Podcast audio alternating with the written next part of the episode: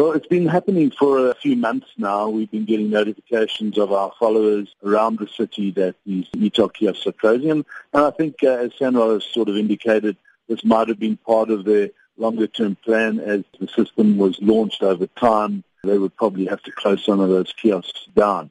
But that's a separate issue. I think the bigger indication of e-toll's failure is the fact that it is a user pay system with less than 30% of the users paying, and that in itself is a recipe for disaster.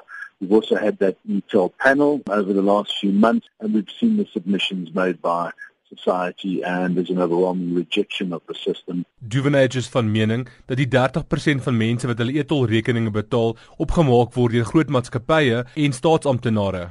Yes, I think it's fleet companies, corporates that don't want to cross swords with government and obviously the government fleet and their vehicles as well. So that's pretty much what you're seeing, about 90 million rand a month being collected where their target to make this system successful is about 260 million rand a month.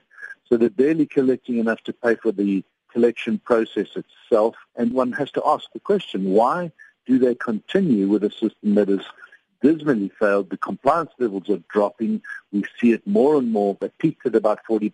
It is now back down to 30%. More and more people are detagging, so to speak, and, you know, it's just not working. So why continue? Why continue flogging this dead horse? Hy glo die etolstelsel sal finaal val in 2015. Well, we believe that if sanity prevails, if government really looks hard at what has happened, all the predictions of failure, of the errors, of the low compliance, the clone number plates and so forth will indicate that this is a mountain too high to climb, especially in the light of the fact that there are more efficient mechanisms with 100% compliance and that society doesn't want SANRAL to fail. We need the institution to continue building good roads. We know we have to pay for these roads.